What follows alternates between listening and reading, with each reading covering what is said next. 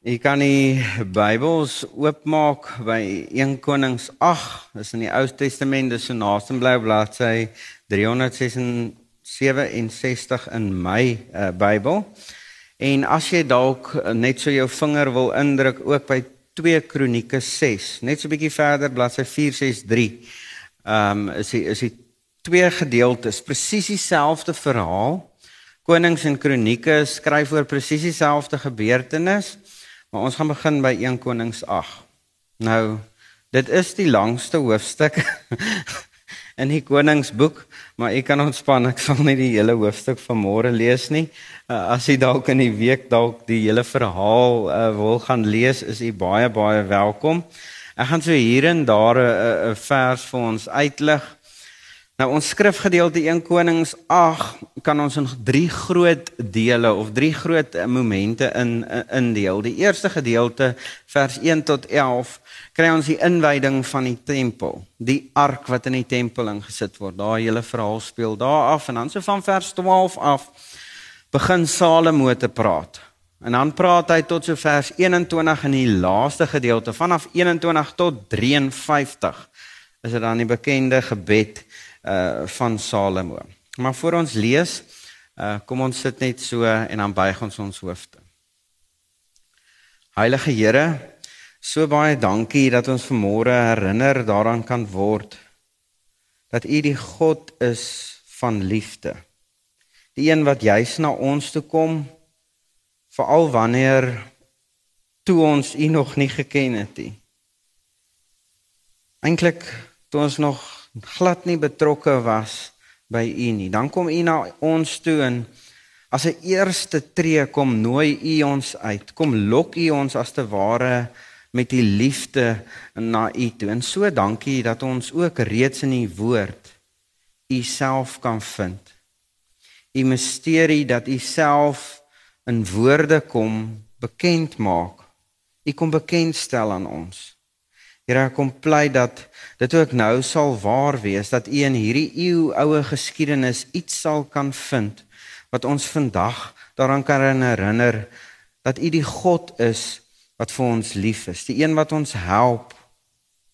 Die een wat deur die Gees ons help om ook in 'n respons te kan leef. Jy is op hierdie roepstem, op hierdie liefde wat u vir ons kom gee. Dit vra ons in die naam van Christus Jesus. Amen. In Konings 8 vers 1 ek gaan myself keer op keer ehm um, onderbreek en by voorbaat as dit jou frustreer, uh vra ek 'n verskoning daarvoor. Ehm um, maar vers 1 wat lees, daarna het Salomo die leiers van Israel al die stamhoofde en die Israelitiese familiehoofde by hom in Jerusalem bymekaar geroep om die verbondsark van die Here uit die Dawidstad Sion te laat bring. Iemand het gesê die Here was amper soos die destydse bankbestuurders as jy dan nou sou wou. Om te sê hulle het van daardie effe klere gordyne omdat hulle so baie moes verhuis. Onthou nou aanvanklik is die Here betrokke by sy volk deur hierdie swerftog in die woestyne en in 'n tent van ontmoeting. Moenie dink die Here het fisies in daai ruimte gaan woon nie, maar 'n stuk simbool dat God anders as afgode is. God vereenselwig hom met sy mense terwyl hulle in die woestyn in tente bly. Gaan bly die Here ook as te ware in 'n tent by sy volk en binne in hierdie tent kry ons die verbondsark. En binne in die ark die twee klippe, die 10 gebooie wat eintlik As ons so daaroor wil dink, die kontrak is tussen die volk en die Here eh, wat die Here met hulle sluit. Met ander woorde, dis 'n kontrak wat sê ek sal jou God wees en jy moet my volk wees. En dit is nou in hierdie tent van ontmoeting simbolies God betrokke uh, by sy volk. En hier in 1 Konings 8 verhuis die Here weer as te ware. So hy skuif vanuit die tent van ontmoeting na 'n gebou toe, uh, na 'n tempel toe, want die hele volk, weer eens verenselwig hom met sy volk, was in tente gewees. Nou bly hulle in stede. Nou voel Dawid, hy wil 'n tempel bou want hulle kan mos nou nie die hulle kan mos nou nie in huise bly en die Here nie in 'n huis bly nie. Dan sê die Here nee, Dawid kan dit nie bou nie, Salomo gaan dit bou. En hier vind ons nou die tempel so die Here verhuis nou weer eenmaal. Maar dan's daar ook 'n derde verhuising. Ons gaan nou nou so 'n bietjie daaroor gesels. As die tempel verwoes word, dan kom bly God. Hy trek as te ware in Jesus Christus fisies in die persoon van sy seun in. En dan is daar ook 'n vierde verhuising as ons nou sou wou. Is dit Jesus Christus as hy hemel toe gaan met die hemelvaart kom woon die Gees dan nou binne in elkeen van ons. Dan word ons die tempel waarin die Here woon. Vers 2 wat lees: Al die manne van Israel het op die feesdag in die maand Itanam, die sewende maand by koning Salomo vergader. Nadat al die leiers van Israel gekom het, het die priesters die ark opgetel en die ark, die tent van ontmoeting en al die toebehore van die heiligdom wat in die tent was, gedra is die verhuising uit die tent uit na die tempel toe. Die priesters en die leviete het dit gedra. Koning Salomo en die hele gemeente van Israel wat saam met hom in die ark was, het soveel kleinvee en beeste geoffer dat dit nie getel of bereken kon word nie. Op ander plekke lees ons daar was so plus minus 22000 beeste en 120000 skape.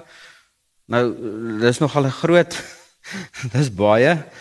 Daar was niemand wat dit getel het nie. So dis verskriklik baie. Vers 6 wat sê toe die priesters die verbondsark van die Here na sy plek toe gebring onder die vlerke van die gerubs in die binneste heiligdom van die tempel. Dis die allerheiligste. Sewe die gerubs se vlerke was oopgesprei oor die staanplek van die ark. Hulle het die ark en sy draaghoute aan die bokant bedek. Die draaghoute was so lank dat hulle punte gesien kon word van die voorkant van die binneste heiligdom af, maar hulle kon nie van buite af gesien word nie. Hulle is vandag nog daar. Uh nie vandag in 2021 nie, uh maar toe die koningsskrywer dit geskryf het, was dit nog daar. Daar was niks in die ark nie behalwe die twee plat klippe wat Moses by Horeb daarin gesit het. Hierdie kontrak het toe die Here by die uittog van die Israeliete uit Egipte met hulle 'n verbond gesluit. Nou die twee plat klippe is die 10 gebooie, die kontrak. Interessant in die Nuwe Testament skryf die Hebreërs skrywer Agter die tweede voorhangsel was die gedeelte wat die allerheiligste genoem word. Daarin was die goue wierookaltaar en die verbondsark wat in sy geheel met goud oorgetrek was. In die ark was 'n goue kruik met manna, die kirifat Aaron wat gebod het, asook die plat klippe met die wet van die verbond daarop geskrywe. Moet nou nie dink uh, die koningsskrywer jok dalk nou vir ons nie. Vir die koningsskrywer is die kontrak baie belangriker as die res van die goed. Die koning skryf wil hê jy moet hoor God vereenselwig hom uh, met sy volk. God vereenselwig hom met jou. Vers 10 wat lees toe die priesters uit die heiligdom kom, het 'n wolk die huis van die Here gevul. Daarom kon die priesters nie vir diens aantree nie. Die wolk, dit was die magtige teenwoordigheid van die Here wat die huis van die Here gevul het. Simbolies dan in vers 12 wat sê Toe het Salomo gesê, die Here het gesê hy wil in duisternis woon. Nou dit klink mos nou nie vir ons reg op ons oor nie. God is mos eintlik die God van lig. Interessant is dat die Hebreëse woord wat hier gebruik word ook kon vertaal word met 'n wolk van donkerte. Nou ons ken mos nou donderwolke. Um, ek het was um rukkie in Potchefstroom gebly. Um en en daar het ek 'n donderstorm ook uh, leer ken. Aan die een kant is daai stuk magtigheid van hierdie donker wolk en aan die ander kant daai stuk belofte van reën. Nou die wolk van donkerte dink ek die verklaarders praat dat dit so tipe wolk is, 'n wolk wat vol hoop is, 'n wolk wat vol reën is. Dat vers 13 wat sê daarom Here het ek vir u 'n waardige huis gebou 'n verblyf waarin u altyd kan woon. Nou vanaf vers 14 af gaan ek nie nou vir julle lees nie, vertel Salomo die geskiedenis dat Dawid eintlik die tempel wil bou, dan sê die Here vir Dawid: "Nee, jy gaan dit nie blou nie. Jy het bloed aan jou hande, maar jou seun Salomo sal die tempel bou." En dan bou Salomo die tempel. En dan vir die volgende gedeelte van vers 22 af lees ons ehm um, dan die gebed wat Salomo vir hierdie volk bid. En ek wil vir die, ons nou die hoogtepunt so vanaf vers 27 af alreeds 'n verklaring van hoe hulle die tempel verstaan het. Vers 27 wat sê sou God werklik op die aarde woon. Die hemel, selfs die hoogste hemel kan u nie bevat nie. Hoe dan nog hierdie tempel wat ek gebou het? Salomo wil wil doodseker maak ons moenie dink dat God nou fisies in hierdie tempel kom bly nie. Ons moenie God verskraal uh, tot 'n gebouetjie wat Salomo gebou het nie. En dan die simboliek en nou trek ek na 2 Kronieke 6 by vers 12 en 13. Sê net jou bladsy so omhaai. Dis nou wanneer Salomo voor die volk bid 2 Kronieke 6 12 13 staan daar toe gaan staan Salomo reg oor die altaar van die Here vir die hele gemeente van Israel en strek sy hande uit. Hy het op 'n brons verhoog gestaan wat hy gemaak het en in die voorhof gesit het. Dit was 2 en 'n half meter lank, 2 en 'n half meter breed en 'n halwe meter hoog. Hy het daarop gaan staan en toe kniel hy voor die hele gemeente van Israel en strek sy hande uit na die hemel toe. Vers 14: Daarna het die koning sy gesig na die hele gemeente van Israel toe gedraai en die hele gemeente van Israel geseën terwyl hulle daar staan. Belangrike teks hier die die rede vir die belangrikheid is 'n koning het nooit voor enige iemand gekniel in daai tyd nie, veral definitief nie in die openbaar nie. Hoekom nie? Want die volk het geglo God het die koning aangestel bo hulle. En as hulle koning kniel, beteken dit daar's 'n mag sterker as hulle koning. De, en dit kan mos nou nie gebeur het in daai tyd nie. En hier gaan Salomo vir die hele volk en hy gaan kniel in die openbaar en hy sê maar daar's nog 'n mag groter as ek. Onthou nou, Salomo is die slimste en dalk definitief seker ook een van die rykste konings gewees wat in daai tyd nog geleef het.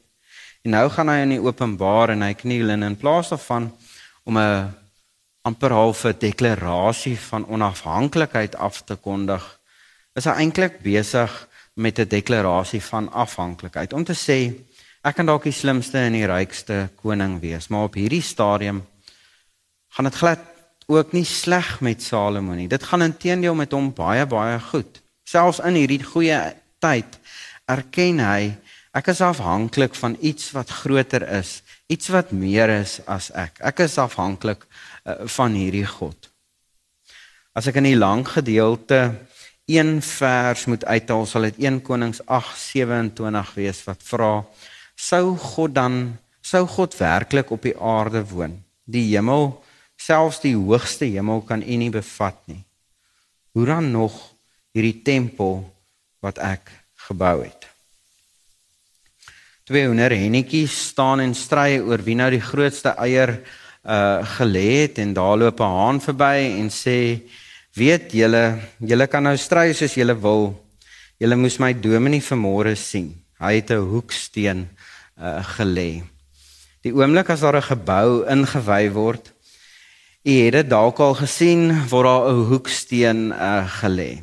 Jy knip 'n lint jy trek 'n gordyntjie oop en dis 'n simboliese handeling wat maar net sê hierdie gebou is nou in gebruik Hy kan maar nou begin gebruik word. Hierdie gemeente het ook een net hier aan die voorkant. Hy kan nou maar begin gebruik word, maar nou weet ons ver voor die inwyding van hierdie gebou is daar 'n hele paar goedjies wat moet gebeur. Een van die prosesse sou moet wees dat daar iemand sou moes beplan het uh omdat hierdie hoekom wil ons 'n gebou bou? Hoekom wil ons hierdie gebou bou? Wat is die doel vir die gebou?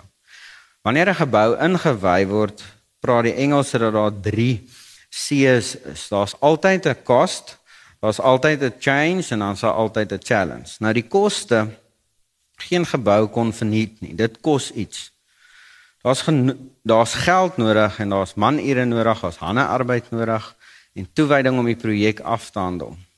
Dit het ook emosionele implikasies want jy gaan iewers te kwaad word as jy bou vir die van julle wat al gebou het weet dat dit nie um, sonder 'n bietjie van kwaad word gaan nie. Die tweede ding, die verandering, daar was nie 'n gebou en nou is daar een nie. Daar's dis sigbaar iets wat verander in die ruimte.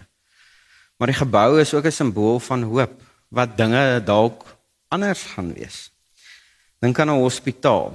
Dit verander mense uh se lewens, 'n kliniek vir dwelmafhanklik is. Daar's verandering wat plaasvind in die gemeenskap rondom die gebou. Die derde ding, die uitdagings, die doel van die gebou moet nou bereik word. Daar daarvoor het ons dalk reëls of riglyne nodig uh, sodat dit bereik kan word om hierdie doel te bereik. In 1 Konings 8 sien ek al drie hierdie prosesse raak. Daar's 'n doel vir die gebou. Dis asof die volk wil weet God is nou 'n permanensie 'n impermanensie by ons. Hy's nie meer net 'n nomadiese God wat saam met ons rondtrek nie, hy's nou permanent 'n deel van ons lewens. Die doel van die tempel is die plek waar ons die teenwoordigheid van God kan gaan opsoek.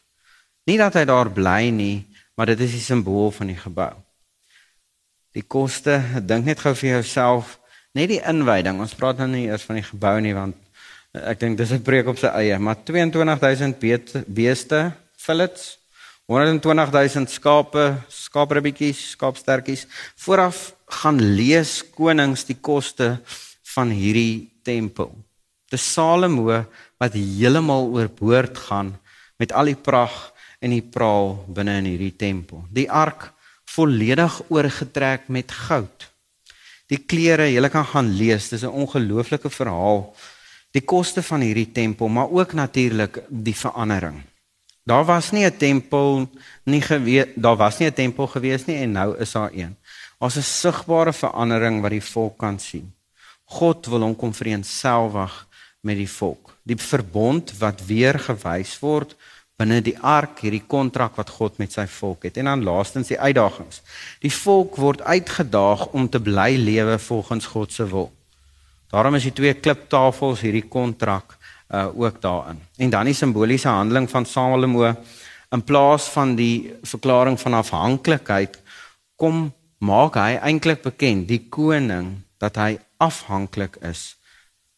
En omdat Salomo weet al gaan dit nou hoe goed Ons bly afhanklik van die Here. Daar's iemand groter. Daar is niemand groter as die God uh, van Israel nie. Wat beteken dit vir ons vandag?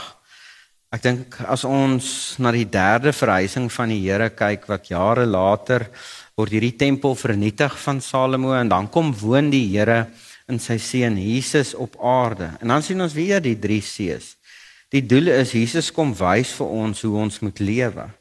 Hy kom wys vir ons hoe lyk dit as God mens word. Die koste is onsaglik hoog. Jesus verlaat sy hemelse woonplek en kom woon in aarde. Hy word vleis, hy word bloed.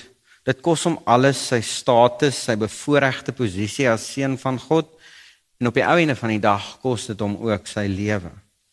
Hy kom verander anders alles, die die die tweede ding, hy kom leer ons van vergifnis van liefde, eh, van nuwe lewe. En hy leer ons dat almal, slaaf-vry man, man-vrou, ryk, arm, gelyk is voor God. Die derde ding, die uitdagings is en hy kom daag ons uit om te leef volgens die wil van God. Hy kom demonstreer hoe lyk dit om in afhanklikheid van God te lewe. In die donkerste oomblik van die geskiedenis kom spreek hy 'n bekendmaking van afhanklikheid uit as hy op die vooraand van sy dood gaan kniel in Getsemane. Matteus 26 vers 39 eh, wat sê hy het 'n entjie verder gegaan. Hierdie Jesus volledig God, volledig mens en daar gekniel met die gesig teen die grond en gebid. Jesus se belydenis van afhanklikheid. My Vader, as dit moontlik is, laat hierdie lydensbeker by my verbygaan. Moet nogtans nie doen soos ek wil nie, maar soos U wil. Dan is dit 'n skrikwekkende verhuising as hierdie Jesus met sy hemelvaart weggaan. Skrikwekkend as ons lees 1 Korintiërs 3:16 wat sê: "Weet julle nie dat julle die tempel van God is en dat die Gees van God in julle woon nie? As iemand die tempel van God beskadig, sal God hom straf want die tempel van God is heilig en die tempel is hele. Wat is die doel uh, van my en jou lewe? Ons mos gewoonlik hier aan die einde van die jaar wat ons sulke moeilike vrae vir onsself vra. Die tempel van God is heilig. Ons is afgesonder vir God. Ons is uitgekies deur 'n God wat sê ek sal alles betaal. Ek gaan ook my lewe vir jou gee. Want jy is heilig en jy is myne. Jy is eenkant gesit om vir my te kan lewe. Die koste het nie verander nie. Die koste bly hoog. Google leer my van Bertoldo de Giovanni. Enigste Giovanni wat ek ken is die een by Laborie, maar dit is nie nou belangrik nie, maar Bertoldo de Giovanni was die leerling van Donatello gewees. Dit is 'n ander kunstenaar en hy was 'n beeldhouer gewees. Hierdie Giovanni was 'n leerling van Donatello gewees en een van die grootste beeldhouers van hulle tyd. Interessant is hierdie Bortaldo was die onderwyser van Michelangelo gewees. Dis 'n bietjie 'n meer bekende naam so van Michelangelo wat een van die grootste beeldhouers nog was. Michelangelo het 'n geweldige talent gehad vir beeldhouwerk en eendag toe stap Bortaldo die onderwyser ehm um, wat hom leer in terwyl hy besig is om 'n standbeeld te maak en hy sien dat hierdie standbeeld wat Michelangelo besig is om te maak ver benede sy standaarde was. Ver benede sy talente ook was. Toe was Michelangelo so ongeveer 14 jaar oud. Toe gaan die Bertoldo en hy hy vat die hamer En hy slaan hierdie beeldhouwerk in 'n duisend stukkies en skree op Michelangelo en sê Michelangelo talent is goedkoop en toewyding is duur. Dit vra iets. Talent is goedkoop, toewyding is duur. Die koste om die tempel van God te wees, vra iets van my en van jou. Dit vra vir ons om toegewy te wees aan iets. Markus 8:34 wat sê Jesus het tot die menigte mense saam met sy disippels nageroep en vir hulle gesê: As iemand agter my wil kom, moet hy homself verloën, sy kruis opneem en my volg. Toewyding vra iets van my en jou. Dis duur. Verandering. Hiervan is die Bybel vol oue is verby en alles het nuut geword. Dit is en bly die wonder van die Here dat ons daagliks nuut kan word en kan groei. Ons word die voorbeeld van liefde en ons word die voorbeeld van genade, ons word die voorbeeld van vreugde. Ons word die wat ongenadig was, maar ook genadig begin lewe. Galasiërs 5 wat vir ons sê, ons lewe deur die Gees laat die Gees nou ook ons gedrag bepaal. En die laaste ding, die challenge, die uitdaging leef volgens die wil van God. Jesaja 11 wat sê ek sal vir hulle 'n ander hart gee en 'n nuwe gees onder hulle laat posvat. Ek sal die kliphart uit hulle liggaam verwyder en hulle 'n hart van vleis gee, dan sal hulle volgens my voorskrif leef en my bepalinge nakom en daarvolgens optree. Hulle sal my volk wees en ek sal hulle God wees. Iewers het ons 'n wanpersepsie. Ons het 'n wanpersepsie want ons dink vryheid lê in onafhanklikheid. Maar die Bybel praat nie so nie. Die die die Bybel praat andersom. Vryheid volgens die Bybel lê juis in 'n stuk afhanklikheid. Ons het hierdie behoefte almal van ons om so graag net onafhanklik te wil wees, maar die Bybel praat altyd van vryheid wat te vind is in afhanklikheid. Die Amerikaners skryf in 1766 die bekende Declaration of Independence, die Franse bestorm die Bastille in 1987. Hulle verwerp vir Marie Antoinette en die federale stelsel en Martin Luther King staan op die trappe van die Lincoln Memorial toe hy sy bekende toespraak gee I have a dream. Gaan dit oor onafhanklikheid? Omdat ons dink in onafhanklikheid lê daar 'n stuk vryheid. Die voortrekkers is kaalvoet oor die Drakensberge agter vryheid aan, agter onafhanklikheid aan. 150 jaar later het ons in dieselfde land weer so stryd oor apartheid wat waaroor gaan oor oor vryheid, oor onafhanklikheid. Ons leef met die persepsie onafhanklikheid is dit wat ons vry maak. Ons dink nie vryheid lê uh, ons dink ons vryheid lê in onafhanklikheid. Op 2 April 1984 gaan Freddie Mercury en hy skryf 'n liedjie uh, I want to break free. Hy sê selfs in die liedjie God knows I want to break free. Die Bybel kom praat anderste. Galasiërs 5 Christus het ons vrygemaak om werklik vry te wees. Staan dan vas in hierdie vryheid en moet julle nie weer onder 'n slawe juk laat indwing nie. Johannes 8:36 Eers as die seun julle vry maak, sal julle werklik vry wees. Vryheid lê volgens die Bybel in afhanklikheid. Jy moet net weet waarvan jy afhanklik is. Ek dink dis belangrik. Salomo in 'n baie goeie tyd in die geskiedenis van Israel, rykste, slimste koning ooit weet dat vryheid lê in die afhanklikheid van God. Ek het sommer so in my eie woorde uh, as ons 'n deklarasie dan of 'n bekendmaking van afhanklikheid vandag sou skryf. Sê hou van huiswerk. Ehm um, probeer dalk op jou eie so 'n verklaring van afhanklikheid te skryf net vir jouself. Ek gaan die ehm um, die bekendmaking lees en dan gaan ek se 'n paar oomblikke van stilte gee en dan sal ek hom weer 'n keer deel lees. Ehm um, gebaseer op die woorde van 1 Konings uh, 8. Here God van Israel in die hemel of op die aarde is daar nie nog 'n God soos U nie. Gee asseblief vir ons alles wat U vra. En vra dan vir ons net wat U wil. Kom haal ons harde klip harte uit en gee ons warm harte van sagmoedigheid. Skryf U gebooie op ons bors en help ons om daarvolgens te leef. Heilige Gees, U woon in ons. Ons is U tempel. Help ons dat ons gedrag ook deur U bepaal word. Vergeef ons Here waar ons die doel mis of vir U ons geskaap het. Ons is afhanklik van U liefde en genade.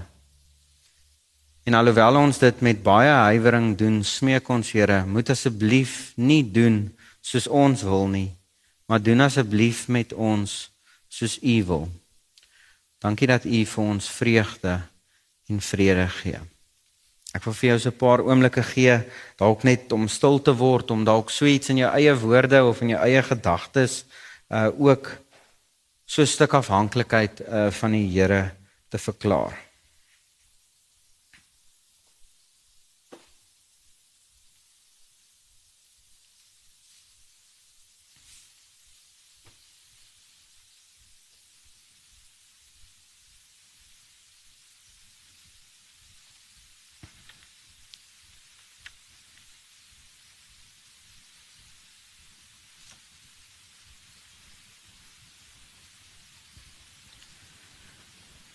Here God van Israel, in die hemel of op die aarde is daar nie nog 'n God soos U nie.